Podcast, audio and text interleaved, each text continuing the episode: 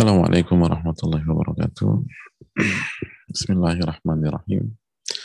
Alhamdulillahi rabbil alamin.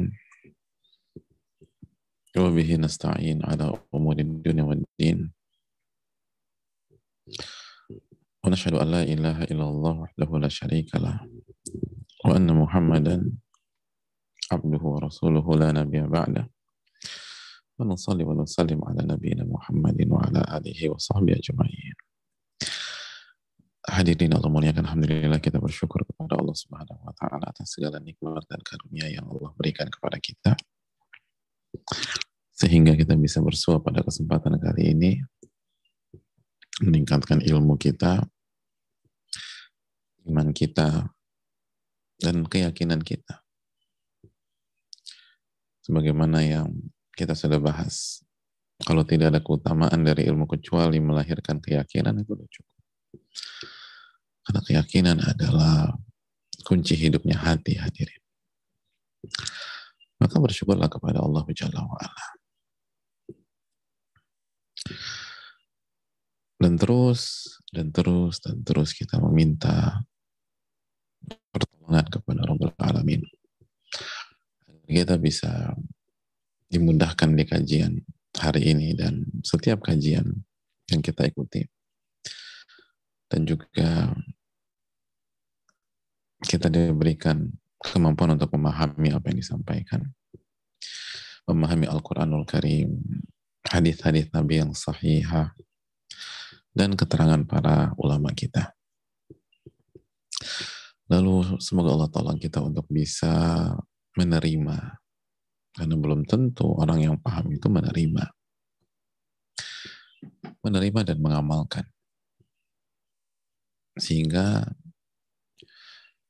lahirlah sebuah ilmu yang bermanfaat. Kalau minta kepada Allah, kita bisa sampaikan. Mulai dari lingkungan terkecil kita. Kita bisa dakwahkan. Sesuai dengan kapasitas kita masing-masing dan kaidah yang dijelaskan oleh para ulama. Dan semua itu nggak mungkin terwujud kecuali taufik dan pertolongan dari Allah Jalla wa'ala. Sebagaimana marilah kita memperkuat syahadatain kita. Asyhadu an la ilaha illallah wa anna Muhammad Rasulullah.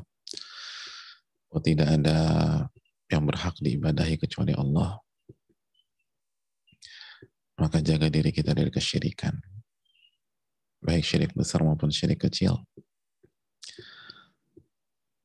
Dan beribadalah sesuai dengan yang diajarkan Rasul Sallallahu Alaihi Wasallam dan dijelaskan oleh para ulama kita.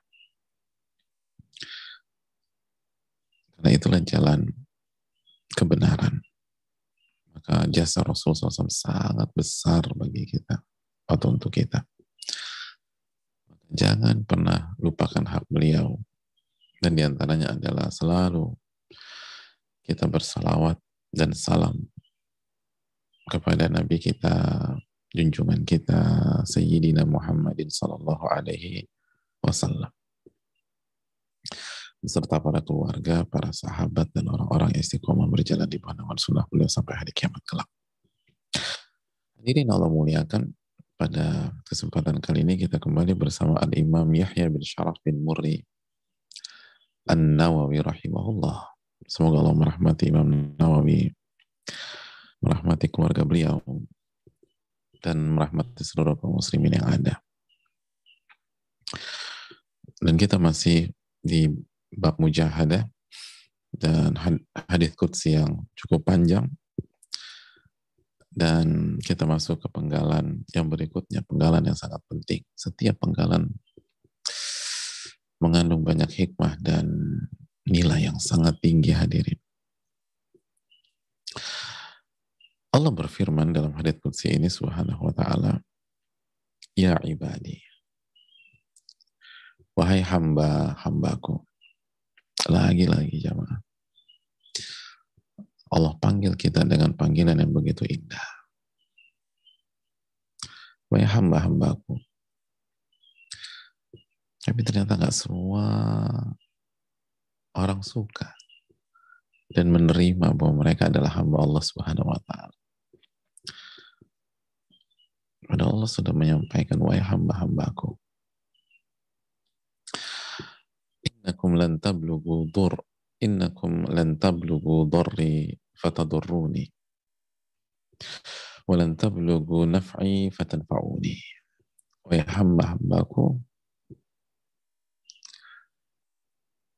sesungguhnya kalian tidak akan dapat berbuat sesuatu yang bisa merugikanku. Dan kalian tidak akan bisa berbuat sesuatu yang menguntungkan aku. Bermanfaat buat diriku. Sampai di sini dulu. Kita ulang, bahwa hamba-hambaku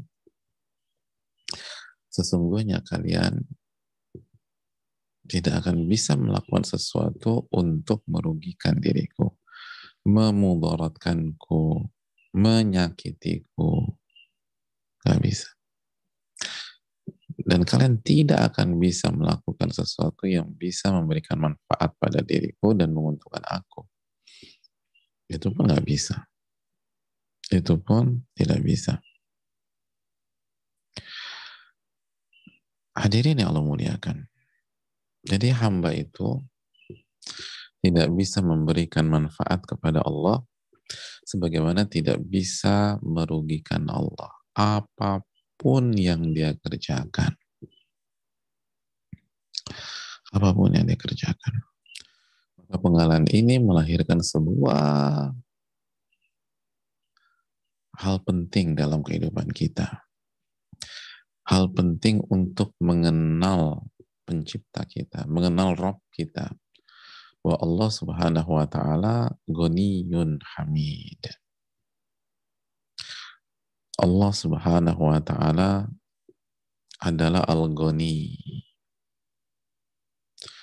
Al-goni. Zat yang maha kaya secara sempurna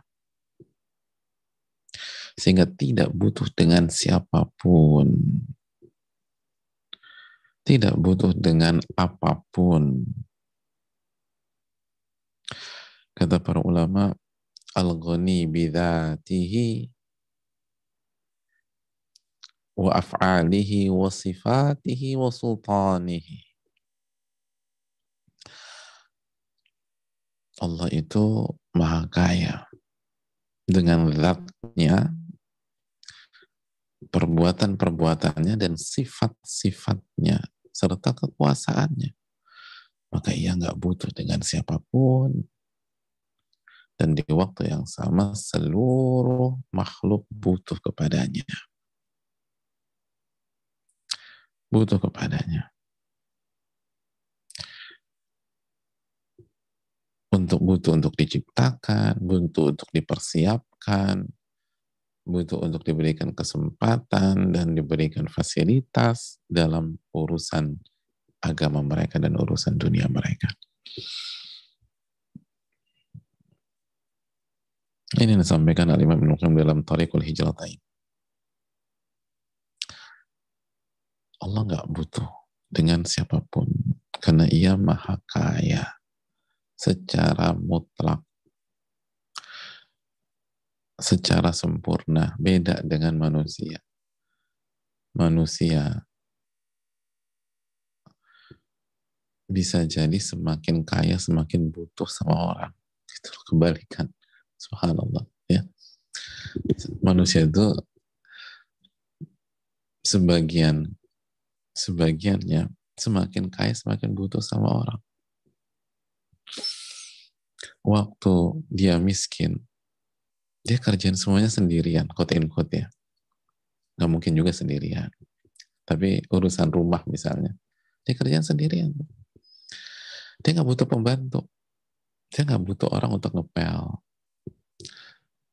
Dia nggak butuh orang buat nyapu. Nggak butuh.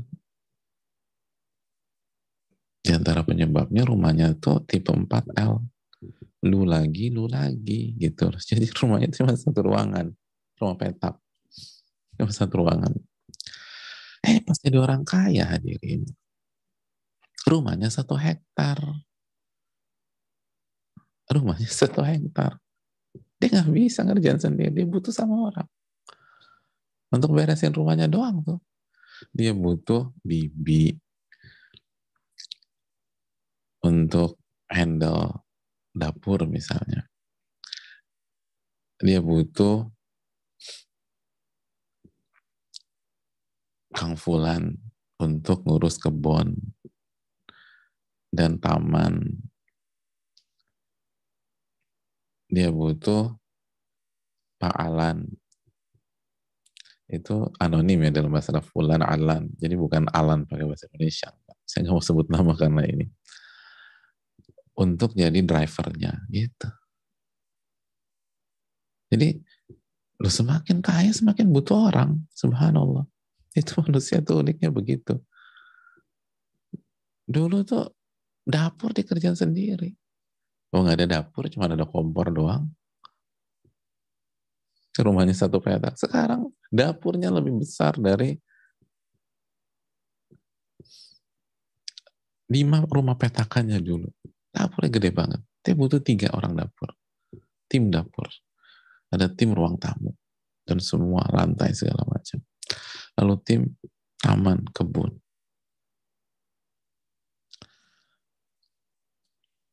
Lalu untuk nguras kolam renangnya dia butuh orang lagi.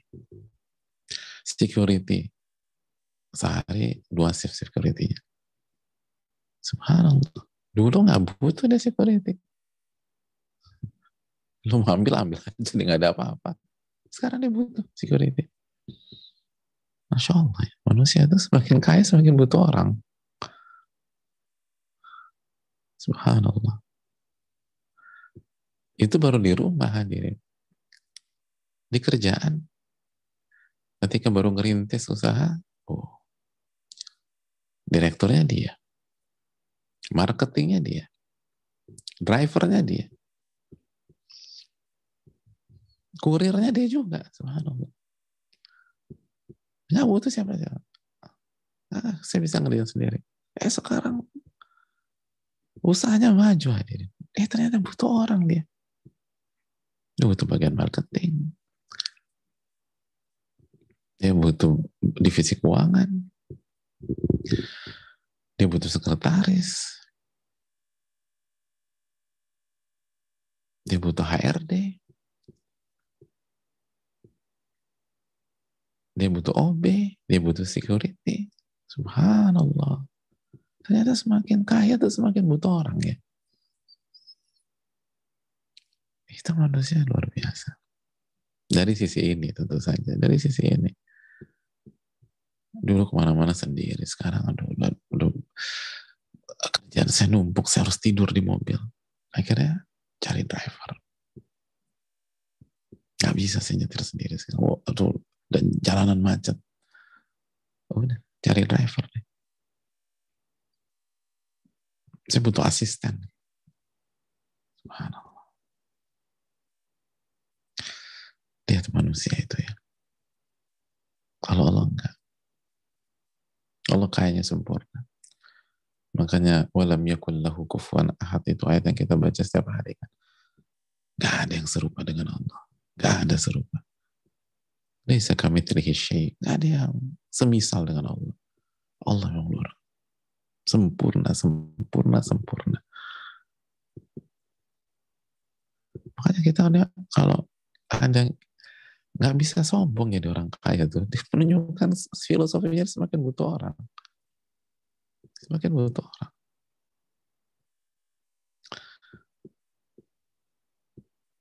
Beda dengan Allah Subhanahu wa taala. Hadirin Allah muliakan. Dan karena Allah maha sempurna kekayaan dan kemampuannya, maka tidak ada satupun hamba yang bisa memberikan manfaat dan sebaliknya merugikan Allah Subhanahu wa taala. Kemaksiat seperti apa pun, kedurhakaan seperti apa pun, itu tidak merugikan Allah Subhanahu wa taala. Allah berfirman dalam surat Ali Imran ayat 176 wala yahzunka alladhina yusari'una fil kufar. Innahum lan yadurrullaha syai'a yuridu Allah alla yaj'ala lahum hadhan fi ali fil akhirah walahum azabun azim. Kata Allah wala yahzunka alladhina yusari'una fil kufar Allah berfirman dan jangan membuat engkau sedih. Orang-orang yang semangat untuk kekafiran bersegera menuju kafiran jadi semangat banget gitu untuk mendukung hal-hal yang kufur yang bisa membuat orang kufur kepada Allah atau dirinya kufur Allah mengatakan kepada nabinya jangan membuat engkau sedih ketika melihat mereka kenapa innahum la syai'a mereka itu tidak pernah sekali-kali merugikan Allah. Semua manuver mereka, semua yang mereka kerjakan, maksiat separah apa pun, maksiat separah apa pun. Ini kan kufur nih, udah paling parah kufur. Maksiat sekufur apa pun, perbuatan sekufur apa pun itu nggak merugikan Allah. Mau sehebat apa pun, secanggih apa pun, secantik apa pun permainan mereka, nggak merugikan Allah. Tidak merugikan Allah Subhanahu wa Ta'ala. Gak merugikan Allah. Silakan aja. Jadi jangan sedih, tenang aja. Jangan sedih. Gak ada masalah sama sekali. Di dalam ayat yang lain Allah berfirman, masih dalam surat Ali Imran ayat 144, وَمَنْ يَنْقَلِبَ عَلَىٰ عَقِبَيْهِ فَلَنْ يَضُرَّ اللَّهَ شَيْئًا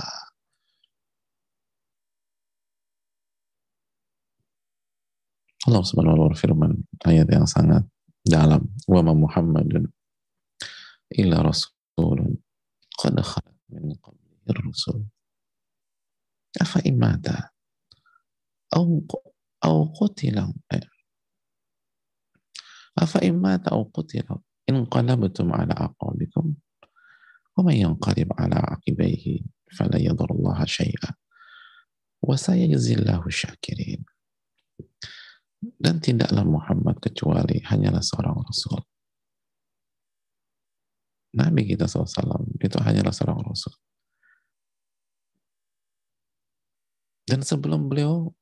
sudah ada Rasul-Rasul sebelumnya.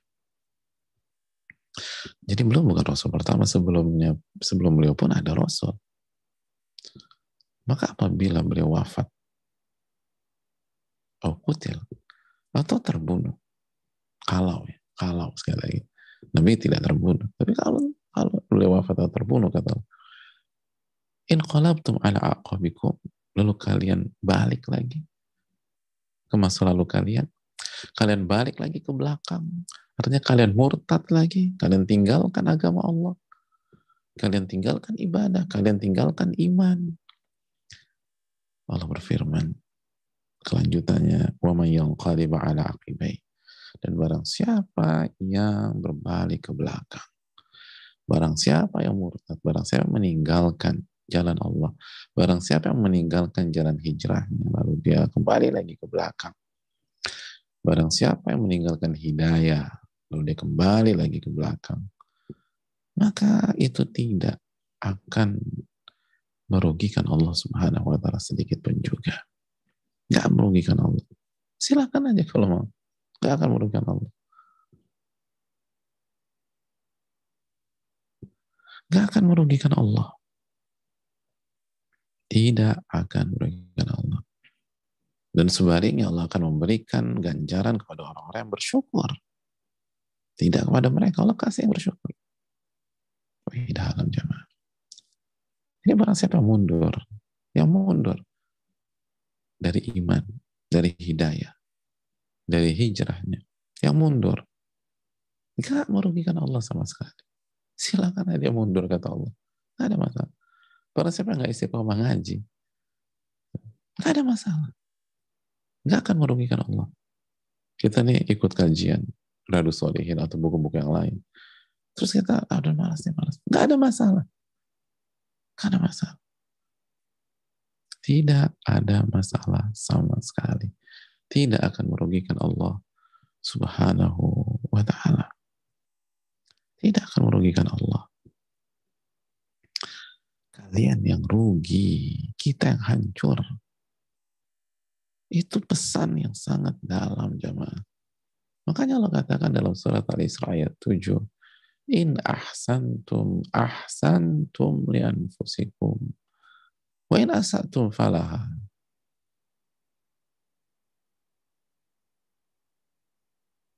Dan jika kalian berbuat baik, itu untuk diri kalian. Itu untuk diri kalian. Dan kalau kalian berbuat buruk, berbuat jahat, maka akan bermudarat kepada kalian. Itu merugikan kalian, bukan Allah.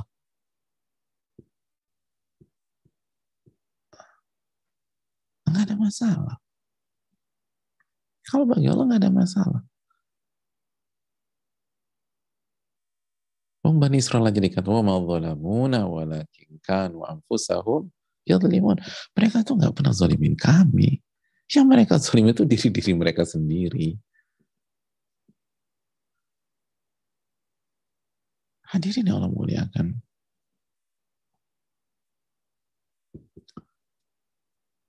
Jadi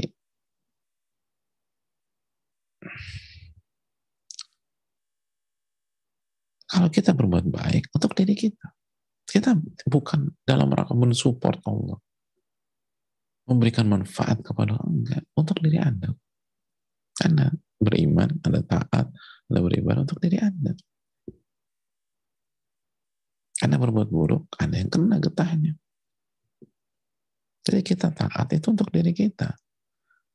Kita jadi anak yang berbakti untuk diri kita. Kenapa sih mama tuh kok masa aku lagi yang harus ngantar mama? Aku lagi yang harus ngantar mama cuci darah. Aku lagi yang harus antar mama cek lab. Aku lagi loh. Anda beruntung kepada Allah Subhanahu wa taala. Anda beruntung dan bersyukur kepada Allah. Itu untuk diri Anda. Anda dipilih. Yang lain dong. Ada kakak-kakak ke mana sih? Mentang-mentang aku paling kecil. Kok kakak ke mana? Ini dikasih nikmat kok protes. In ahsantum ahsantum ya anfusikum. Justru bersyukur. Mama maunya sama kamu. Atau yang lain lepas tangan kamu yang ngurus tapi kan aku capek emangnya kalau mama nggak di rumah kita atau kita nggak ngantar mama kita nggak capek Manusia, dunia itu darul musibah, dunia itu tempatnya musibah. Kata para ulama. Kita kalau kita nggak capek buat dalam ketaatan, kita akan capek dengan kemaksiatan. Kebanyak. Kan kata Nabi SAW, kullun yagdu, famu'tiquha wa mubiquha, kata Nabi SAW. Setiap orang tuh beraktivitas. Nggak ada orang diem gitu, nggak ada. Waktu jalan terus. Dia, dia akan menghabiskan waktu dengan sebuah aktivitas. Dia akan menghabiskan setiap hari dengan aktivitas. Dia akan habiskan setiap waktu dengan aktivitas. Dia akan habiskan pagi ini dengan sebuah aktivitas ya kalau kita kalau kita dikasih umur sama Allah Subhanahu wa taala. Dan opsinya cuma dua, famu'tiquha Opsinya cuma dua. Kita bebaskan diri kita dari api neraka dengan ketaatan, dalam itu bahasanya, famu'tiquha Artinya kita beramal soleh sehingga Allah bebaskan kita dari api neraka atau kita hancurkan diri kita. Jadi kan kita sering begitu. Aduh aku capek nih. Aku terus yang disuruh. Aku terus yang disuruh sama papa atau sama ayah. Lah emangnya kalau nggak disuruh ayah, Anda nggak capek? Coba nih, renungkan. Nanti kita akan capek dengan hal lain yang nggak jelas. Habis habis waktu di sosmed lah. Emang mata nggak capek kalau ngeliat sosmed? Capek. Karena semua ya gedung, semua ya gedung, semua beraktivitas.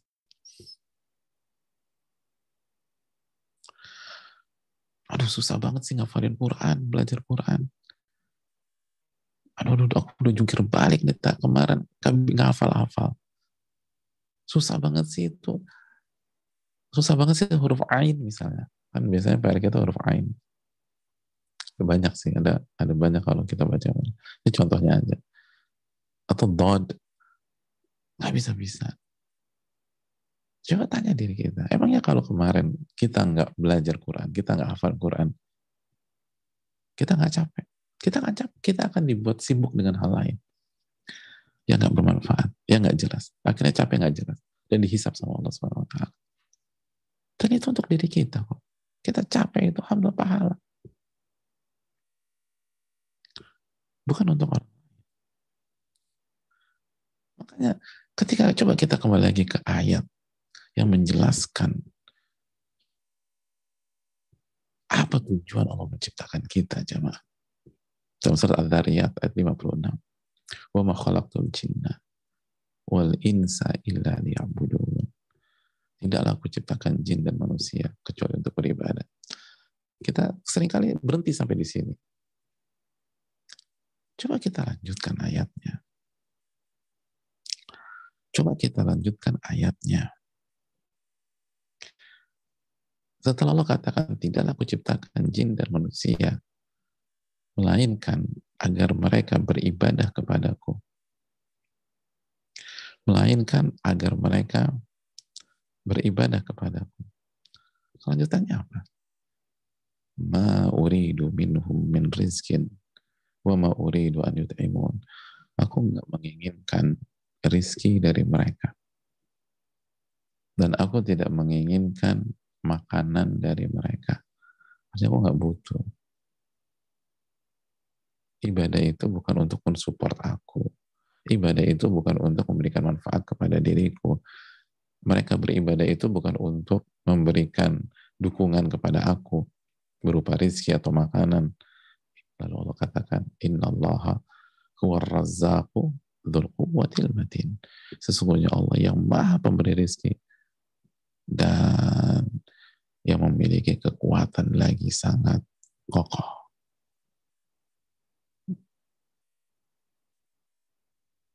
Saya butuh. Itu pesan besar. Maka lanjutkan. Nggak butuh. Ibadah itu untuk kita. Ibadah itu untuk kita. Bukan untuk Allah. Dalam arti Allah nggak nggak mendapatkan manfaat apa pun dari ibadah yang kita lakukan itu pokoknya ibadah harus ikhlas ke Allah tapi bukan untuk mensupport Allah bukan untuk memberikan manfaat kepada Allah enggak dan ketika kita tidak menjalankan tugas ini nggak ada masalah bagi Allah nggak ada masalah bagi kita yang hancur Jadi, kok ribet banget sih? Nggak ribet kok. Nggak ribet. Kita yang butuh. Mau cuma disuruh sholat aja, dibilang ribet. Disuruh kajian aja, dibilang ribet. Disuruh pakai hijab aja, tutup aurat, katanya ribet. Tapi kalau perusahaannya minta wardrobe tertentu, nggak ada celetukan ribet. Senang.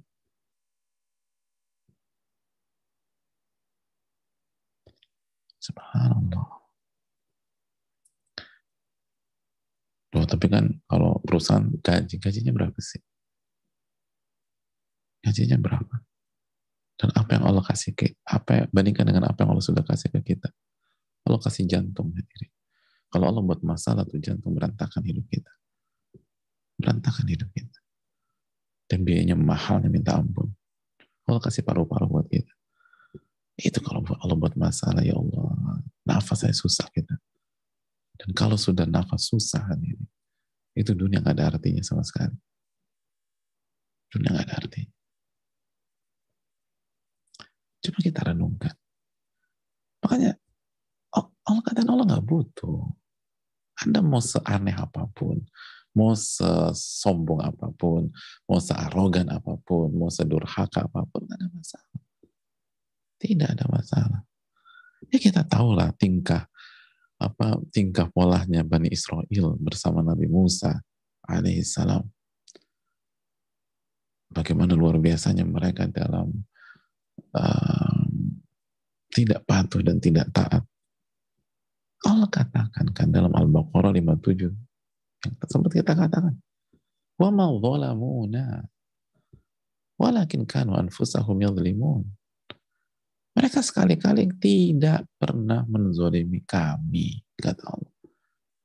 Karena yang mereka zolimi, mereka aniaya diri mereka sendiri dengan tingkah pola seperti itu. Karena nggak sholat, Anda zolimi diri Anda sendiri. Kita maksiat, kita zolimi diri kita sendiri. Ada orang berzina, kita zolimi diri kita sendiri. Ada orang selingkuh, dia zolimi diri sendiri. Cuma dia nggak zolimi pasangannya.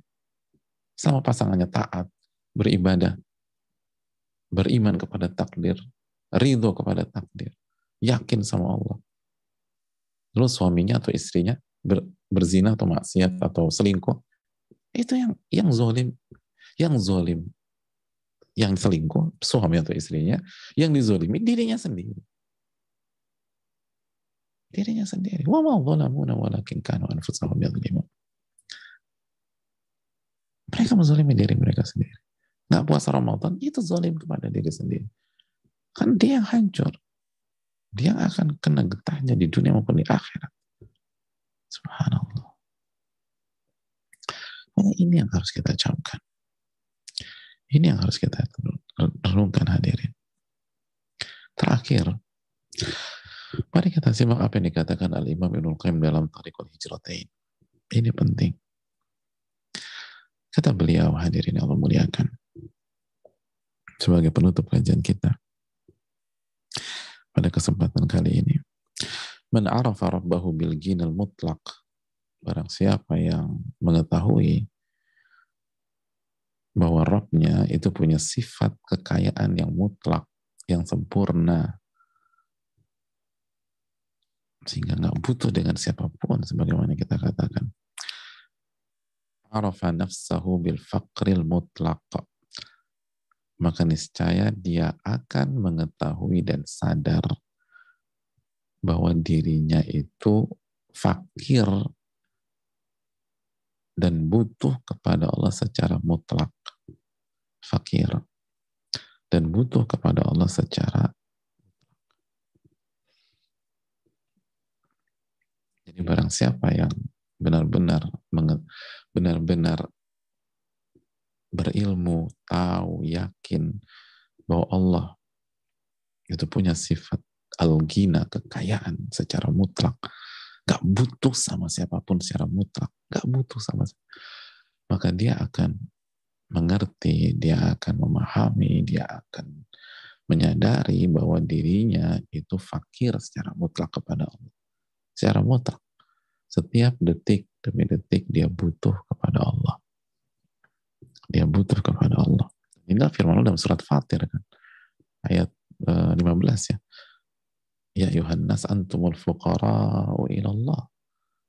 Wahai manusia, kalian tuh fakir kepada Allah. Kalian butuh kepada Allah. Lalu penutupan ayat ini apa? Wallahu wal Allah yang maha kaya yang tidak butuh sama siapa pun. Tapi di waktu yang sama Al-Hamid, gak arogan. Banyak orang kaya arogan. Sebagian orang kaya baru kaya arogan, makanya ada istilah OKB. Gak semua, gak semua orang kaya arogan, dan gak semua orang yang baru kaya pun arogan. Banyak sekali yang tahu. Tapi sebagian banyak orang arogan. Sebagian arogan. Allah enggak. Coba kita lihat ayatnya. Al-Ghani. Al-Hamid. Kalian tuh but fakir kepada Allah. Kita lihat lagi ayatnya. Wallahu wal Wallahu wal ghaniyul hamid. Allah yang maha kaya, gak butuh dengan siapa pun, dan dia maha terpuji. Karena baik sekali dengan kita.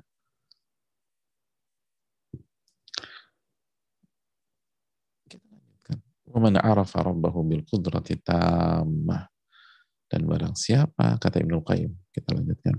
Dan barang siapa yang mengenal Rabbnya, mengenal Rabbnya, yakin terhadap Robnya bahwa Robnya memiliki sifat al-qudrah atau kemampuan yang sempurna. Kemampuan yang sempurna. Arafa nafsahu bil maka ia akan menyadari bahwa dirinya itu lemah selemah-lemahnya di hadapan Allah tidak mampu dengan ketidakmampuan yang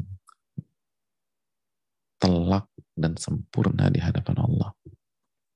Gak mampu.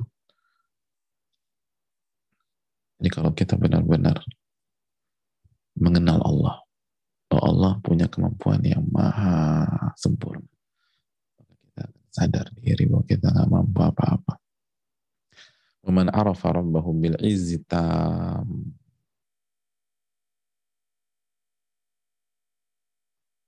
Dan barang siapa yang mengenal Rabbnya mengenal Allah. Bahwa Allah memiliki sifat al-izz. Aziz, kemuliaan yang sempurna. Maka dia akan menyadari bahwa dirinya al-maskanati Dirinya itu miskin, semiskin-miskinnya di hadapan Allah. Waman arafa rabbahu bil ilmi. Barang siapa yang mengenal Allah, Allah memiliki sifat ilmu yang sempurna. Wal hikmah. Dan memiliki hikmah yang sempurna. Arafa nafsahu bil jahat. Maka dia akan sadar diri bahwa dirinya adalah hanyalah makhluk yang bodoh. Walaupun semua orang bilang kita cerdas, kita bodoh, camkan itu. Hanya orang yang tertipu dengan pujian dan buayan manusia yang berpikir dirinya pintar. Hanya orang yang nggak ngerti tentang robnya, yang merasa diri dia berilmu, yang merasa. Tapi orang yang tahu robnya, sebanyak apa pun ilmunya dia akan merasa diri bodoh. Wa itu minal ilmi illa qalila kata Allah. Kalian tidak diberi ilmu kecuali sedikit. Yang menganggap kita tuh banyak ilmu itu manusia. Tapi Rob kita bilang wa itu minal ilmi illa qalila. Kalian tidak diberikan ilmu kecuali sedikit. Jadi kita ulang barang siapa yang mengenal Robnya bahwa Robnya maha kaya yang sempurna, maka dia akan sadar bahwa dirinya fakir, butuh sama Allah secara sempurna, detik demi detik. yang pertama. Yang kedua, barang siapa yang mengenal Allah, bahwa Allah memiliki kemampuan yang sempurna, maka dia akan menyadari dirinya itu lemah, gak mampu apa-apa dengan sempurna. Artinya gak, mampu apa-apa dengan telak, dengan udah nadir senadir nadirnya di hadapan Allah. Dan barang siapa yang mengenal Robnya, mengenal Allah bahwa Allah itu memiliki sifat yang mulia, yang sempurna, maka dia akan sadar diri bahwa dia hanyalah hamba yang miskin dengan kemiskinan yang sangat nadir dan di titik terendah. Dan barang siapa yang mengenal Robnya, bahwa Robnya maha berilmu dan maha maha bijaksana, punya hikmah, yang sempurna, maka dia akan sadar bahwa dirinya hanyalah makhluk yang bodoh. Jelas? Lalu penutupannya kata famata khasarat lauhatanil ma'rifatan dan barang siapa yang memiliki barang siapa yang memiliki pemahaman dua pemahaman yang dalam ini bahwa pemahaman tentang rohnya dan pemahaman tentang dirinya dia mengenal Allah dan dia mengenal dirinya. Dia mengenal Allah yang maha kaya, yang maha uh, yang maha al-qudrah, yang maha berkuasa dan punya kemampuan sempurna, yang maha mulia, yang maha berilmu dan punya hikmah dan juga dia sadar diri bahwa dia itu lemah, dia butuh sama Allah. Dia nggak bisa apa-apa. Dia bodoh, antajata lahu faqra. Maka konsep ini akan melahirkan sifat fakir di dalam diri seorang hamba. Sifat fakir dalam diri kita kepada Allah. Sikap sifat butuh sebutuh-butuhnya setiap detik. Kita butuh kepada Allah. Sebagaimana penggalan yang sebelumnya. Kita minta makanan sama Allah. Udah kita amalkan belum? Udah, udah minta sarapan sama Allah belum? Udah minta makan siang sama Allah belum? Udah minta makan malam sama Allah belum? Udah minta pakaian sama Allah atau belum? Kalau belum, masalah kita ada di konsep ini. Kita nggak kenal Allah. Dan kita nggak tahu diri. Itu poinnya. Nggak kenal Allah dan kita nggak tahu diri kita. Orang yang mengenal Allah dan dia tahu diri, maka akan melahirkan sifat fakir kepada Allah. Dan menariknya, camkan baik-baik, huwa ainu ginahu wa unwanu falahihi wa sa'adati. Subhanallah. Dan ketika dia memiliki sifat fakir kepada Allah, sejatinya di saat itulah dia menjadi orang kaya saat hidup di dunia. Kaya orang kaya secara hati dan jiwa. Dia nggak akan jadi hamba dunia, walaupun dia nggak punya uang.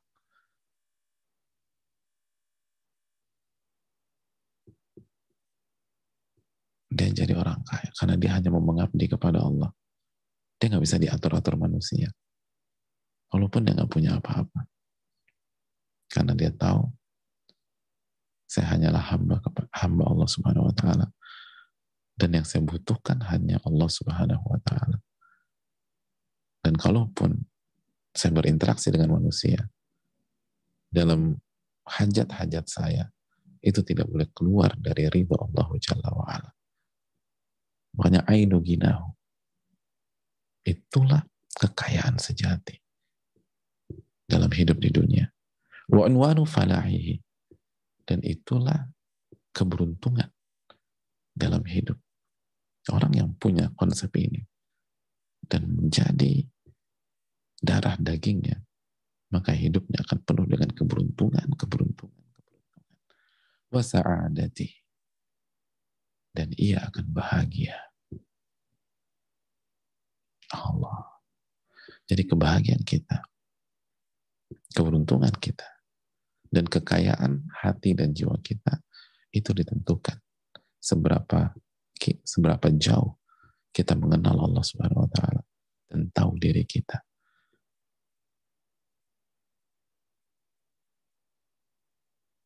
Ditentukan seberapa fakir kita kepada Allah. Seberapa kita merasa butuh kepada Allah. Bukan hanya dengan lisan. Dengan lisan banyak orang yang mudah melakukan. Tapi dalam setiap saat dalam kehidupan. Sebagai contoh, pertemuan yang lalu, pertemuan-pertemuan yang lalu, sudahkah kita minta hidayah? Sudahkah kita minta makanan? Sudahkah kita minta minuman? Ketika kita baca riwayat para ulama klasik dulu minta garam, sudahkah kita amalkan minta garam? Ketika masalah dapur kita masalah, sudahkah kita angkat tangan dulu sebelum kita hubungi tukang sayur terdekat? Pada saat kita lapar, udah minta sama Allah belum? Ketika sabun cuci habis, sudahkah kita doa kepada Allah? Orang yang butuhkan akan minta. Kalau belum itulah sebabnya kenapa kita nggak bahagia. Kenapa kita nggak beruntung selama ini? Kenapa kita nggak merasa jadi orang kaya? Walaupun uang kita banyak. Karena kekayaan bukan tentang angka. Kekayaan itu tentang rasa. Ada banyak orang punya nominal besar, dia nggak pernah merasa kaya. Nggak pernah merasa cukup. Ada orang nggak punya apa-apa, dia merasa kaya aja. Karena Allah kasih dia. Dan dia kona'ah.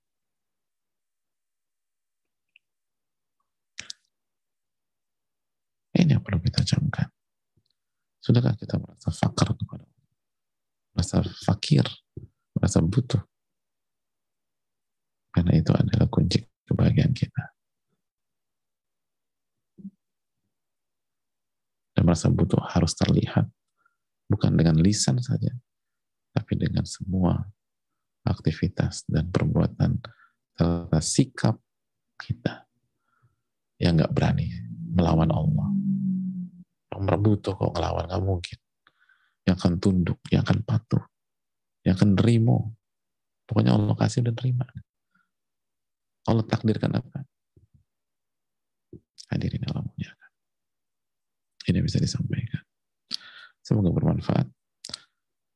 Kita buka satu dua pertanyaan. Wassalamualaikum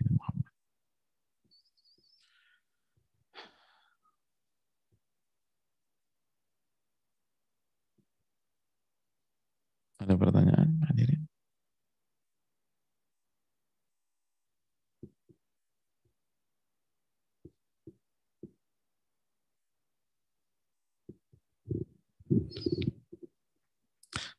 Assalamualaikum warahmatullahi wabarakatuh. Waalaikumsalam warahmatullahi wabarakatuh.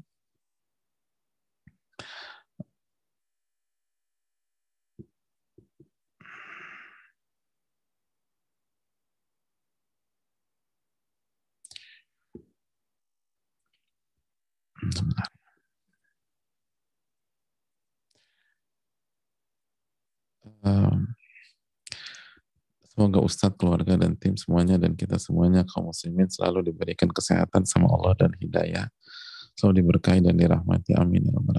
Begitu juga dengan yang bertanya. Ustadz, gimana caranya kita menjaga hidayah yang Allah berikan kepada kita karena goda dalam syaitan lebih besar ketika berusaha memperbaiki diri. Jazakallah khairan Ustadz dan tim semuanya. Iya, terima kasih atas pertanyaannya. Uh, godaan syaitan lebih besar itu nggak mutlak hadirin godaan syaitan itu lebih besar kalau kita hadapi dengan diri kita. Sedangkan kalau kita meminta perlindungan kepada Allah dengan benar, maka Allah yang berfirman, yang menciptakan syaitan yang berfirman. Dalam surat An-Nisa ayat 76, Inna kaida syaitani kana dha'ifa. Inna kaida syaitan kana dha'ifa Sesungguhnya tipu daya syaitan, godaan-godaan syaitan itu lemah. Lemah. Nggak kuat. Allah yang berfirman, Inna kaida syaitan kana dha'ifa. Sesungguhnya tipu daya syaitan itu lemah. Penciptanya sendiri yang bilang. Yang berfirman. Subhanahu wa ta'ala. Kenapa terkesan berat? Kata para ulama seperti yang dijelaskan Syekh Muhammad Syekh Muhammad bin Muhammad Mukhtar Shinkiti kata beliau yang membuat terkesan berat dan besar tipu daya syaitan itu karena diperbesar oleh hawa nafsu kita itu. Dan kita nggak minta pertolongan dan meminta perlindungan kepada Allah. Jadi didukung oleh hawa nafsu kita Inna nafsala ammaratun bisu dalam surat Yusuf kan sesungguhnya hawa nafsu itu selalu mengajak kepada keburukan kecuali yang dirahmati oleh Allah. Nah itu yang jadi masalah hadirin. Jadi hawa nafsu kita bermain, nyerang kita sendiri. Nah mau nggak kita lawan? Lawan dengan apa? Kembali kepada Allah. Kita nggak bisa ngadepin mereka. Allah Ta'ala bisa minta perlindungan kepada Allah Subhanahu wa Ta'ala. Assalamualaikum warahmatullahi wabarakatuh. Waalaikumsalam warahmatullahi wabarakatuh. Semoga Allah selalu memberikan keberkahan, keselamatan, hidayah, dan rahmatnya kepada Ustadz tim dan seluruh kaum muslimin. Amin ya alamin. Begitu juga bagi yang bertanya. Mohon izin bertanya, apakah dengan depresi yang dialami seseorang sulit move on dari masa lalu yang buruk adalah pertanda Allah belum memberikan hidayah taufik kepada kita jazakallahu khairan. Iya. Karena kan masa lalu kita yang buruk itu makhluk. Berarti hati kita masih terpaut kepada makhluk. Belum terpaut kepada Allah. Belum terpaut kepada Allah. Kenapa belum terpaut kepada Allah Subhanahu wa taala? Karena kita belum menjadi hamba Allah yang sejati. Belum menjadi hamba Allah yang sejati. Kalau kita sudah menjadi hamba Allah yang sejati, maka Allah akan cukupkan kita dan Allah akan cover semuanya sehingga kita tidak terpengaruh dengan buruknya masa lalu kita. Allah Subhanahu wa taala berfirman dalam surat Az-Zumar ayat 36, "Alaisallahu bikafin 'abdah." Alaisallahu bikafin 'abdah. Az-Zumar ayat 36. Bukankah Allah yang mencukupkan hambanya, yang mengcover hambanya.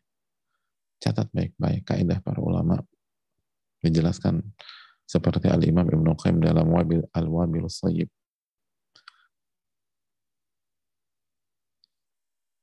Ayat ini menjelaskan kepada kita, ini penting, bahwa perlindungan Allah itu ditentukan kadar ibadah seorang hamba kepadanya. Perlindungan Allah. Allah mengatakan, Alaihissallah bikafin abadah dalam kiroat yang lain ibadah. Jadi alaihissallahu bikafin abdah. Bukankah Allah yang mencukupkan dan melindungi hamba hambanya abdah. Allah nggak mengatakan bikafin nas, bikafin abdah hambanya. Maksudnya apa? Yang menghamba kepadanya. Yang beribadah kepadanya.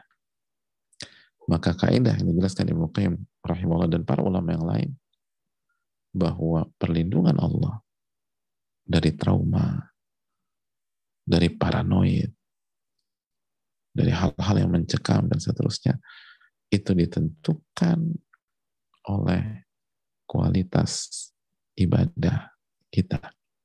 Seberapa dalam kita menjalani hidup sebagai seorang hamba. Semakin dalam kita memerankan atau menjadi seorang hamba kepada Allah, maka semakin Allah cover dan semakin Allah lindungi. Sehingga kita tidak trauma pada masa lalu kita. Gak mudah memang. Dan yang berbicara belum tentu yang lebih, lebih baik daripada yang bertanya. Atau yang mengalami masalah-masalah seperti ini. Tapi marilah kita saling support satu dengan yang lain. Sebagaimana pelajaran kemarin. Sesama pendosa hadirin. Kita harus berusaha saling support bangkit dari hal ini. Allah ta'ala bisa.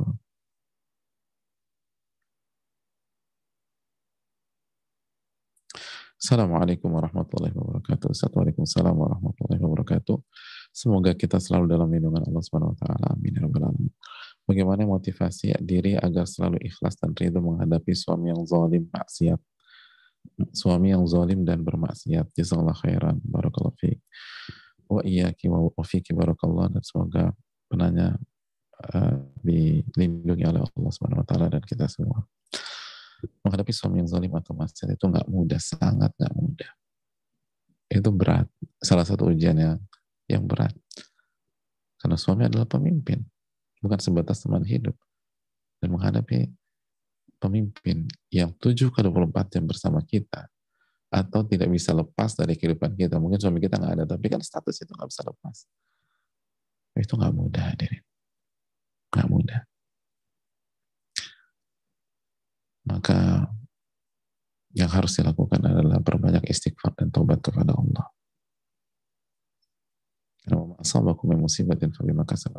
Apa pun yang menimpa kalian itu ada andil dosa kalian. Itu pun udah dimaafkan banyak oleh Allah. Jadi baru sebagian aja itu. Itu akibat sebagian dosa kita, bukan semuanya. Jadi ada andil. Perbanyak istighfar, perbanyak tobat. Hal yang kedua,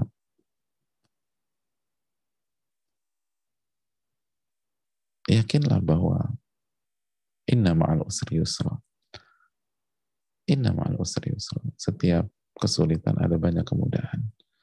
Setiap kesulitan ada banyak kemudahan. Itu yang kedua.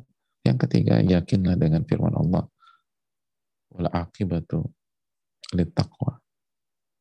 Dan endingnya pasti untuk ketakwaan. Wal akibatu limuttaqin. Dan endingnya pasti untuk orang-orang yang bertakwa.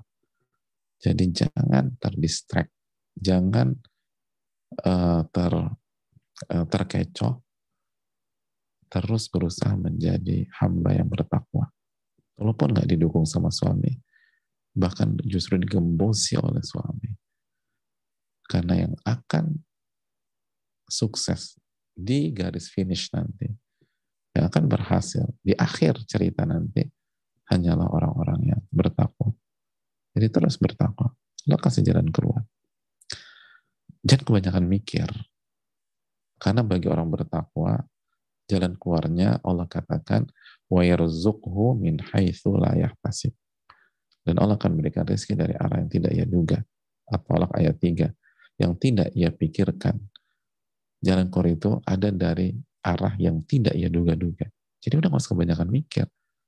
Allah katakan jalan keluar itu sering kali dari arah yang gak terduga-duga. Udah jalanin aja ketakwaan. Allah kasih. Allah kasih taufik. Bismillah. Allah telah bisa.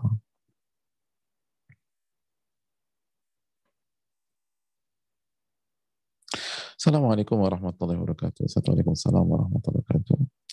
Semoga Allah merahmati, memberkahi, mengampuni dosa Ustadz, tim, dan kaum muslimin. Amin. Ya Rabbal Alamin. Begitu juga yang bertanya. Ustaz apa keutamaan orang yang selalu merasa butuh kepada Allah Jazakallah khair. Hadirin, sudah kita bahas tadi keterangan Ibnu Qayyim rahimahullah dalam Tariqul Hijratain. Beliau katakan Ainu gina dia akan menjadi orang kaya secara jiwa dan hati di dunia, di kehidupan. Orang yang merdeka, merdeka. Dia nggak bisa dibelenggu dengan dunia, nggak diperbudak oleh dunia. Dia merdeka. Karena dia fokus ke Allah Subhanahu Wa. Allah yang kasih saya semua, bukan anda, bukan anda. Mau di PHK, mau di uh, dibebas tugaskan dalam kondisi pandemi ini, dia tetap merasa diri tenang, dia nggak merasa diri hancur. Wa unwanu falahi. Dan itu tanda keberuntungannya. Dia akan beruntung di dunia. Jadi dia akan jadi orang kaya, lalu dia beruntung di dunia, dan dia akan bahagia. Bahagia. Orang yang merasa butuh, dia akan bahagia hidup. Coba deh. Dan lihat orang-orang yang gak bahagia. Karena mereka gak merasa butuh kepada Allah. Merasa bisa menyelesaikan semuanya sendiri. Akhirnya berantakan. Akhirnya berantakan. Berusaha menyelesaikan masalah dengan logikanya, dengan pikirannya. Akhirnya dimainkan syaitan. Kata para ulama, "Lau lam yakun aunun minallahi lil fata, fa'awwalu ma yajni alaihi ijtihaduhu." Kata para ulama kita, kalau bukan karena pertolongan Allah, maka yang pertama kali menghancurkan seseorang adalah blundernya sendiri. Yang pertama kali menghancurkan seseorang adalah manuvernya sendiri. Itu. Karena kesombongan. Akhirnya nggak doa, nggak minta pertolongan. Nggak menuntut ilmu. Nggak doa, nggak nuntut ilmu. Ini kan kita, kalau kita merasa butuh sama Allah, maka kita butuh sama ilmu Allah malas-malasan. Dia pikir dia bisa menyelesaikan kehidupannya dengan logika dia. Dia pikir dia bisa menyelesaikan masalah-masalah kehidupannya dengan pemikirannya. Dia pikir dia bisa menyelesaikan segala hiruk pikuk dengan pengalamannya. Makanya dia nggak mau ngaji. Makanya dia nggak mau belajar. Makanya dia nggak mau nanya gurunya. Itu kan. Subhanallah. Itu orang hancur jemaah. Kan banyak orang kayak begitu. Merasa nggak butuh. Udah dinasehati misalnya. Dikasih ayat, dikasih hadis. Nggak terima. Dinasihin sama seorang ustadz atau sama gurunya. Gurunya bilang ke kanan, dia ke kiri. Itu kan orang merasa pintar. Merasa nggak butuh sama ilmu Allah Subhanahu wa Ta'ala.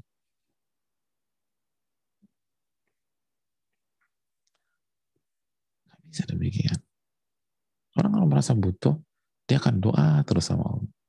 Lalu kedua dia akan gunakan ilmunya Allah. Dia akan tuntut ilmu, dia akan bertanya, dia akan nurut, dan seterusnya Itu orang merasa butuh. Hanya sedikit orang yang merasa butuh kepada Allah. Maka mintalah taufik agar kita selalu menjadi hamba-hamba seperti itu. Dan semua kita berjuang ya mas sekalian. Allah Ta'ala bisa. Ini bisa disampaikan. Jazakallah khairan. سبحانك اللهم نشهد لا اله الا انت استغفرك واتوب اليك ربنا تقبل منا ونسال الله علما نافعا ونعوذ بك من علم لا ينفع. السلام عليكم ورحمة الله وبركاته.